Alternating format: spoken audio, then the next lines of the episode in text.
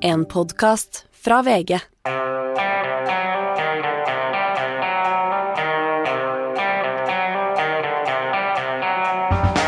Da har det vært utskiftinger i regjeringen, men foreløpig ingen ny nestleder i Arbeiderpartiet. Og flyforbudssone over Ukraina, vil det kunne starte en eskalering av krigen? Dette er Gjever og gjengen, og det er mandag den 7. mars. Det er en dag for skifte i regjeringen, eh, og jeg vil først få begynne med eh, her eh, å takke Hadia Tajik, som fredag gikk av som arbeids- og inkluderingsminister. Det er tid for skifte i regjeringen, og det hadde det jo vært uansett om Hadia Tajik hadde gått av som nestleder i partiet, noe hun gjorde i helgen, Tone Sofie Hagel. Absolutt, men det er en helt annen situasjon nå. Når vi så Hadia Tajik eh, trekke seg som statsråd på onsdag, så var det jo en særdeles kamplysten Hadia Tajik som eh, jeg oppfatta virkelig at hun kjempa for sitt politiske liv og hadde masse å gi, og, og at eh, også Jonas Gahr Støre holdt hånda over henne da. Nå er hun eh, også trukket seg som nestleder, og det gir jo en helt annen eh, mulighet for henne framover i partiet. Men hun eh, kan for så vidt bare kjempe med andre midler, holdt jeg på å si, eller fra en mer tilbaketrukket posisjon. Hun er ikke nødvendigvis ferdig i politikken. Hun kan jo selvfølgelig hun, hun, hun komme tilbake, holdt jeg på å si. Hun er jo her allerede, hun vil jo være på Stortinget eh, hele perioden. Og kan godt hende at hun både bygger opp både posisjon og tillit, men eh, å komme tilbake som nestleder igjen tror jeg er tungt. Det vil komme nye generasjoner. Eh, eh, så hun, hun mister den viktige maktposisjonen som hun eh, ville hatt hvis hun hadde vært nestleder. Men det er jo ikke sånn at det er en overflødighetshorn av talent Arbeiderpartiet har å, å velge fra. Så hvis, la oss si at hun gjør nå en god jobb på Stortinget eh, i to år, noe hun antagelig vil gjøre. De oppgavene hun eh, blir, eh, blir tillagt og sånne ting, og så oppstår det en ny situasjon om to år, så plutselig da er hun bare noen og 40. Det kan jo selvfølgelig skje, men jeg opplever at den måten I tillegg til alvoret i de sakene, den måten hun har håndtert sakene på, eh, har vel kanskje vist at hun ikke har helt de kvalitetene som trengs for å være eh, en lederskikkelse. Og i tillegg så tror jeg at eh, det kommer eh, nye politikere under. Og det er jo alltid sånn at når en uerstattelig person forsvinner ut, så er det andre som får plass og får skinne. Så jeg tror nok at, at, at det ikke vil være aktuelt. Heller ikke i Arbeiderpartiet. Hva tror du, Hanne? Det som ikke dreper meg, gjør meg sterkere? Nei, jeg tror som Tone Sofie at det er veldig vanskelig å se for seg at eh, Hadia Tajik kommer inn i partiledelsen igjen. Man skal aldri si aldri, og det er eh, stort rom i Norge og politikken for at man kan reise. Vil du snakke veddemål her? Er det, ligger det et lite veddemål i luften? Ja, Vil du vedde på at hun kommer tilbake i partiledelsen, så vedder jeg gjerne mot det, Anders. Ja, jeg setter gjerne en flaske vin på det. Altså at eh, Tidsaspektet. innen neste stortingsvalg Ok. Det er god vin, da. Vi pleier å veldig god vin, Anders. Ja, hva, hvor dyr er du? Det må være vin for folk flest. Ja, er- eller vanlig for vanlige folk. vanlige folk. ja, ja. Vin for vanlige folk, men litt god. En Litt god vin for vanlige folk. En god vin for vanlige folk. Ja, Det er blir vel en sånn spansk rioja-vin eller noe sånt, ikke jeg er mer på de italienske jeg er ikke egentlig på noe vin i det hele tatt. Jeg drikker det stort sett jeg får beskjed om å kjøpe. Ja. Men eh, jeg skal få min, eh, min vinveileder til å plukke ut en god vin for vandrefolk folk til Skal vi deg. shake hands på dette, eller, Anders? Det kan vi gjøre. Det Ja. kan vi gjøre. Jeg er vitne. Og jeg har tapt veddemål før, jeg, så det skal jeg, det skal jeg ta som en mann. Uh, Da husker jeg at jeg fikk en ganske god vin av det, Anders. Ja, hva var det du hadde vunnet på da? Det var Trump? Trump. så- Uff a meg, ja ja ja. Du, Rub it in. du har bare Der er vel unt, som vi pleide å si i denne podkasten i, i gamle dager. Men, men altså, ja. Hadde det vært lettere om hun hadde trukket seg som nestleder allerede på pressekonferansen forrige onsdag? Eh, Jeg vet ikke om det har gjort det lettere å komme tilbake i partiledelsen. Det er jo litt som hvis du først har vært der, og som Tone Sofie sier, at det kommer nye generasjoner inn, andre tar den plassen, andre får det lyset. Så jeg tror eh, det hadde kanskje vært lettere å komme tilbake tidligere som statsråd, eller på en måte blitt rehabilitert kjappere, da. Men eh, nei, jeg tror, jeg tror ikke hun eh, kommer tilbake i partiledelsen med det første. Uansett. Det var en litt spesiell pressekonferanse nå, Tone Sofie. Det var ikke det er ikke sånn du helst vil eh, tiltre, tiltre i en regjering på med Du kunne fått en hyggeligere mottakelse fra den fjerde statsmakt? Ja, det var en, en litt trist seanse, må det være lov å si. Det er det jo alltid når, når man har statsrådsskifter på eh, grunn av at noen må gå. Eh, Men eh, det spesielle nå var jo at her sitter det to nye statsråder. Eh, Alle spørsmål handla jo selvfølgelig om eh, håndteringa til Støre av Tajik-saken. Og jeg tror jo Støre er godt fornøyd med å få Terje Lien Aasland inn som ny olje- og energiminister. Han var jo med på tegnebrettet lenge, og en person som Støre har mye tillit til, mye erfaring. Men det eneste spørsmålet som handler om han, handler om at har dere sjekka han grundig, at han ikke har noen ting i bagasjen? Ja, det håper jeg de har, altså. Nå orker jeg ikke mer sånne hybelregninger. Ja, vi får vel kanskje tro det. Og så den, den, andre nyheten er jo at Marte Mjøs Persen går fra å være olje- og energiminister til å bli ny eh, arbeid- og integreringsminister. Og da eh, er jo også bakteppet at hun, har jo fått en særdeles eh, dårlig start Eh, som statsråd, fikk jo strømkrisen i fanget, og ja, du skal være ganske partikanin for å si at hun har håndtert det med sånn glitrende kommunikasjon og, og, trygghet i rollen.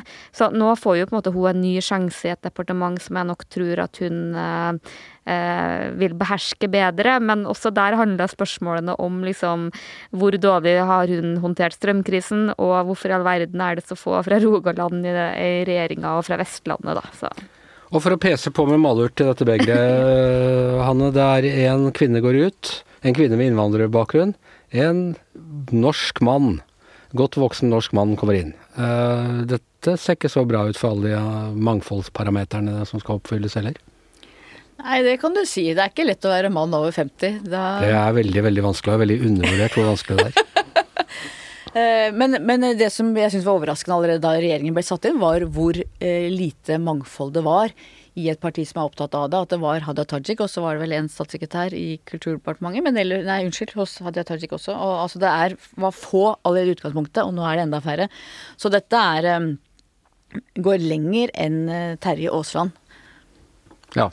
Og så utnevnte jeg akkurat en mannlig sentralbanksjef òg, men det trenger vi ikke å gå, gå inn på nå. Hva, hva, tror du om denne, denne sammensetningen sånn sett? Nei, jeg tror mangfoldspoenget er, er godt, og, og, det tror jeg mm, bekymrer eh, regjeringa. Vil forundre meg veldig om det ikke kommer inn noen nye statssekretærer eller et eller annet som kan veie opp det. Men akkurat når det gjelder kjønn og alder, så mener jeg at dette er en særdeles kvinnetung, veldig mange unge kvinner i denne regjeringa. Jeg må jo innrømme at noe av det som gleda meg mest litt sånn uavhengig av person, var at eh, man fant rom for en sånn skikkelig veteran som Odd Roger Enoksen. For det er jo ikke sånn at alle i politikken skal være unge og på vei opp heller. Synes, jeg så fint det, å høre deg ja, si dette. Ja, jeg mener det faktisk. ja, ja. Så, så, akkurat det, at det liksom her blir en gubberegjering, det blir det ikke. Nei.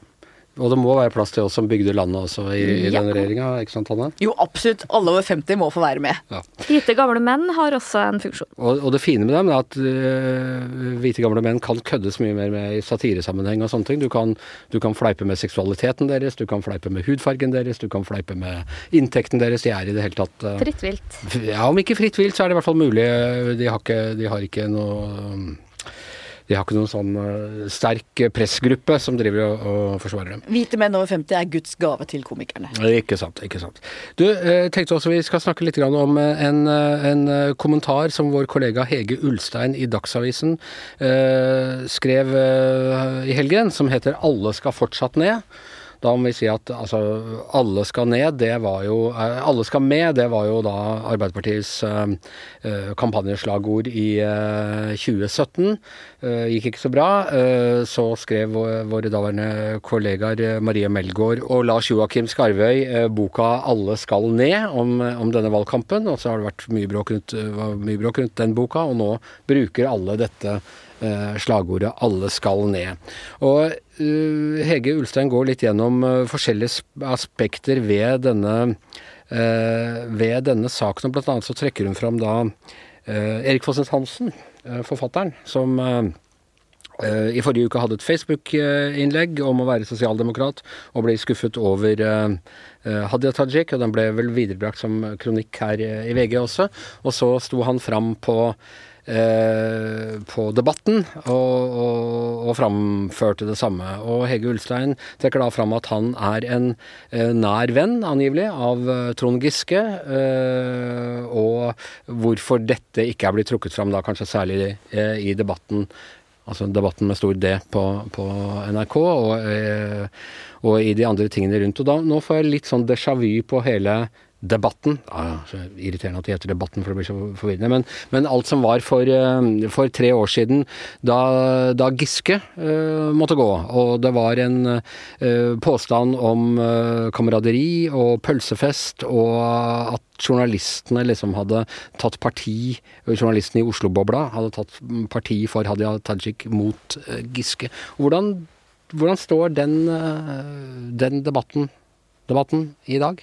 Eh, nei, og, og, det er en ting jeg har fått hørt fra en del eh, at eh, behandler dere i media Hadia Tajik mildere enn vi behandler eh, andre.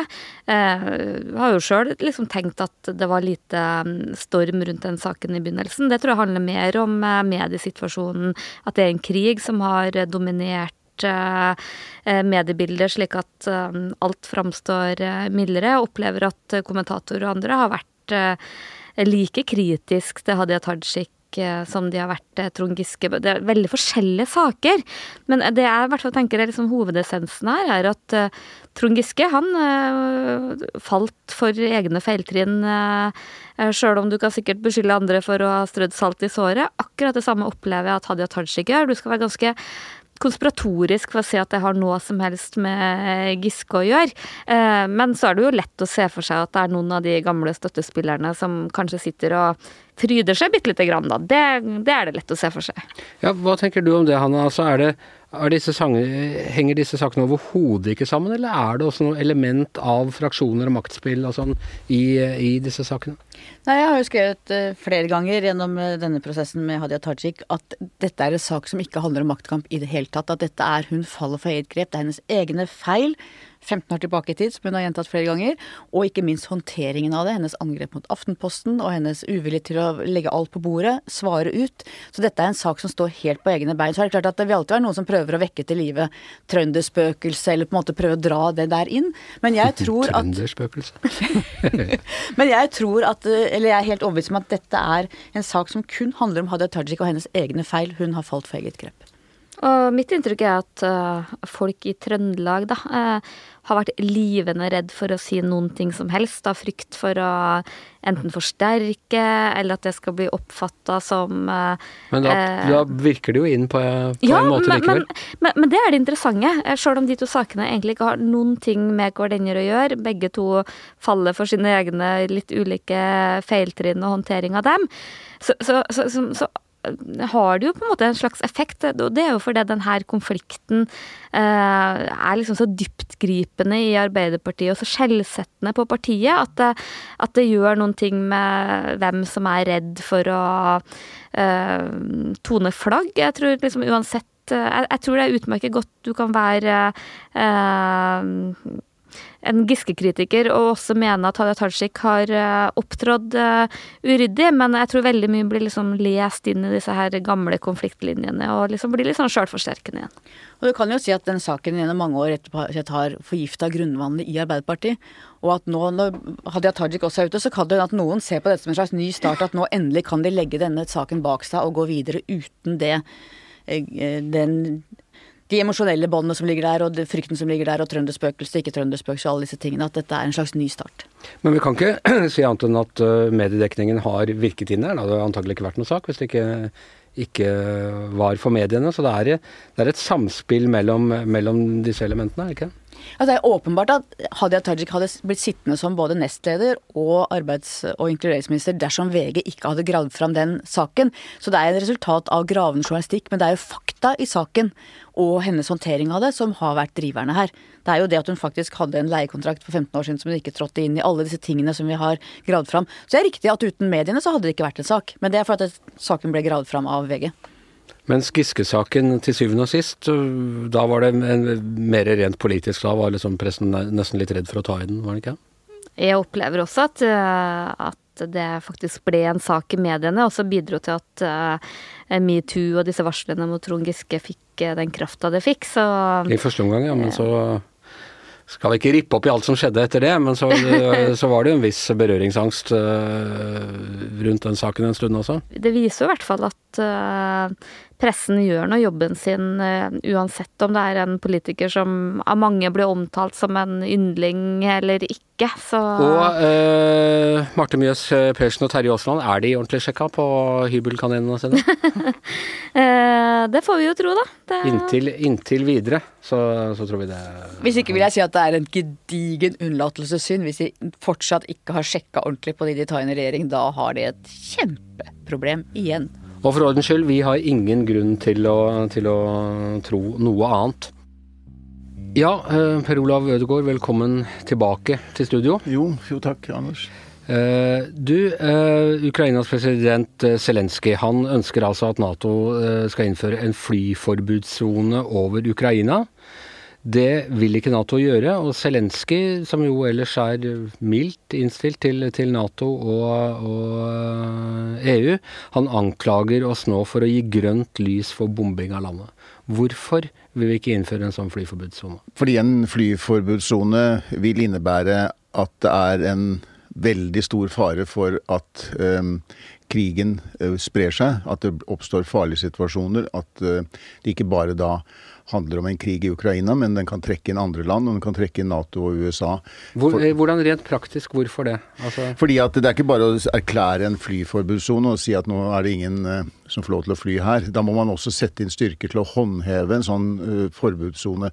Det innebærer at man må ha Nato-fly på vingene. Det innebærer at man må være villig til å møte russiske fly, kampfly på, i luften. Eventuelt også rette angrep mot eh, installasjoner eh, som de måtte ha på bakken. Som kan Flyplasser og sånn?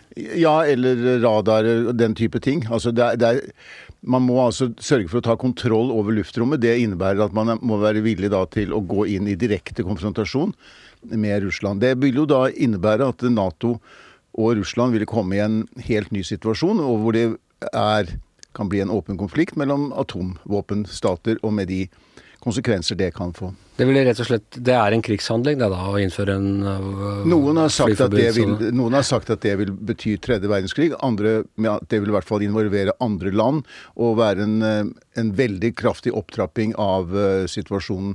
Det er jo allerede en ganske stor risiko for at krigen i Ukraina kan spre seg i Europa. Um, vi snakker om et land som er, har flere Nato-medlemmer uh, uh, ved sin grense.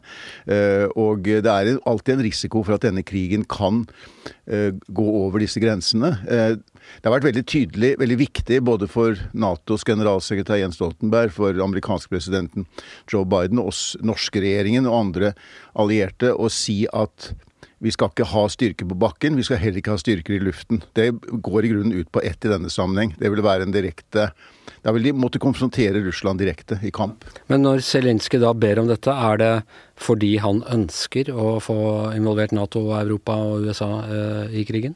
Ja, han har også, ja det, det er klart han ønsker jo, mest, ønsker å få mest mulig støtte, både militært eh, og eh, økonomisk og på alle andre måter. Eh, for, men samtidig så har han jo sagt at hvis ikke det er aktuelt, så, kan, så bør i hvert fall dere kunne hjelpe oss å få jagerfly. Da er det jo snakk om i så fall russiskproduserte kampfly, jagerfly, som, som befinner seg i eh, Nato-medlemsstater i øst, altså fra den tiden de fikk sine fly fra daværende Sovjetunionen, MIG-jagerfly og sånn.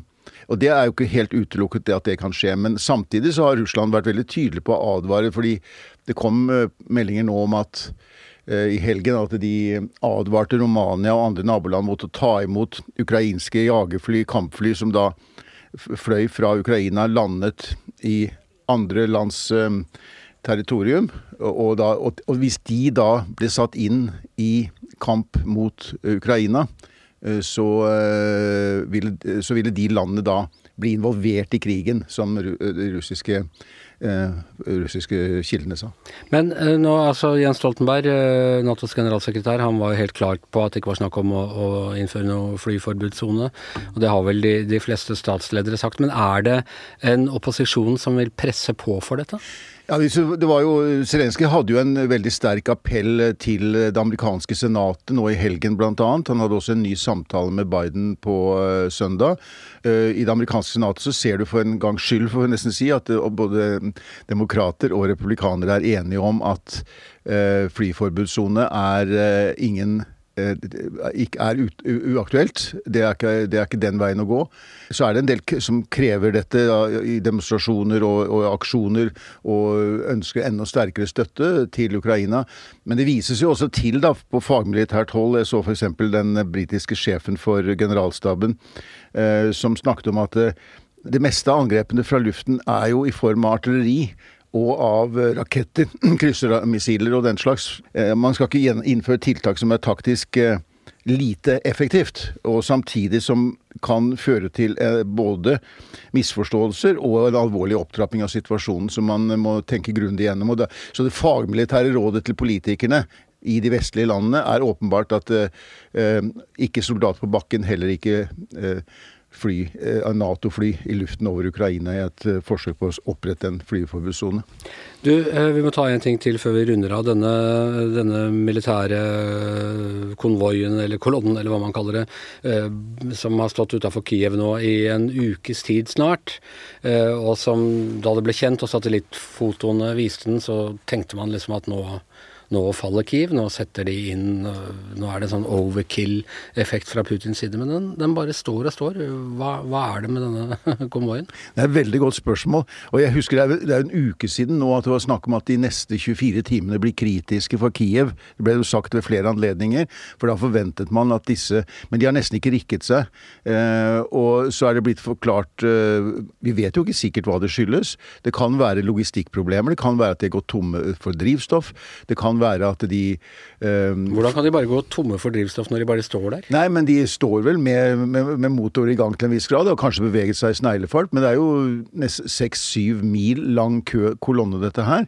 Uh, og uh, det er ikke kommet noen overbevisende forklaring på hvorfor dette har stoppet opp. Bortsett fra at de åpenbart møtte militær, altså et for, ukrainsk forsvar som, var, som gjorde alt for å stanse dem. Så det er nok noe av forklaringen. Men det kan også være praktiske og logistikkproblemer fra russisk side. Eller at de rett og slett venter på eh, ordren om å eh, starte dette, et større angrep mot hovedstaden. Og Da krigen startet for nå nærmere to uker siden, så trodde de fleste at Kiev ville falle relativt raskt etter en sånn klassisk blitskrig, men det er klart at den ikke har gjort. Og jeg går ut fra at du ikke har lyst til å spå om hvor lenge de klarer å holde fortet heller?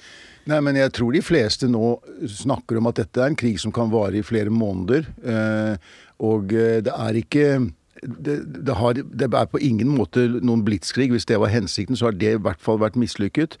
Eh, og det kommer jo tall I hvert fall fra ukrainsk side så legges det jo tall på veldig høyt antall drepte russiske soldater. Dette er en krig som selvfølgelig har kostet sivilbefolkningen og ukrainske soldater, militære, veldig store ofre. Men det har også rammet Russland veldig hardt. De lider store tap i Ukraina nå. Og det er et faktum som ikke eh, selv om Russland forsøker å styre mediene, og selv om Russland eh, ja, legger bånd på informasjon på så godt de bare kan, ehm, og ikke engang vil snakke om det som en krig, eh, og ikke en invasjon heller, så vil jo denne sannheten om hva dette som foregår, og hvilke store ofre her snakk om. Og det vil jo ikke la seg skjule i det lange løp. Og Ukrainerne har vist en helt uh, utrolig motstandsvilje, og det er helt klart at den motstandsviljen viser de nå også når de bygger barrikader inne i Kiev og, og forbereder seg på nærkamp. Ja, det er ingenting, absolutt ingenting som tyder på at de har til hensikt å legge ned våpnene. Og, og, og når man ser på hvordan eh, styrkene står i, i Ukraina i dag, så er det jo det, alle, det, meste av landet er jo fortsatt under ukrainsk kontroll, for å si det slik. Russiske styrker har gått noe fram i sør, og det har gått noe frem um, nær hovedstaden. Men ikke de store framrykningene. og det er grunn til å regne med at dette kan pågå i lang tid, tror jeg. Du, da skal vi, før vi avslutter, så skal vi trekke en koppvinner. Eh, vi ba jo, vi hadde jo vår sending nummer 1000 på fredag. Ba folk skrive på Facebook-sida vår eh, de forskjellige minnene de har hatt med, med de 1000 utgavene vi har Eh, vi har hatt av, eh, av denne podkasten. Det, Hanne, det var kjempehyggelige reaksjoner, det må jeg si. Ja, jeg syns det var så koselig å, lese. Jeg sendte til og med melding til deg på fredag kveld og sa Anders, ja, ja. det var så hyggelig å lese alle de minnene. Veldig godt for, altså, for, journalister som allerede har et relativt solid ego, så fikk vi det enda mer, mer blåst opp der. Så tusen takk skal dere ha, alle dere som har eh, tatt dere tid til å skrive inn der. Mange ting jeg hadde glemt også. Så da skal vi bare ta og trekke en Vil du trekke en uh, vinner? Ja. Det ble altså Mette Willumstad Thomsen som vinner koppen i dag. Det var hyggelig. Eh, Da kan eh, du, Mette, bare sende oss en melding. Jeg tar vel direkte kontakt med deg også. Og så skal du få en eh, kopp i posten. Og med det så er eh, Giæver og gjengen over for i dag. Tusen takk til Per Olav Ødegaard. Tusen takk til Tone Sofie Aglen. Tusen takk til Hanne Skartveit. Jeg heter Anders Giæver, og mannen som leder teknikken i denne lille hybelen av et studio, er som vanlig Magne Antonsen.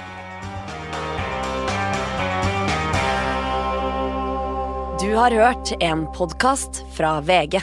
Ansvarlig redaktør, Gard Steiro.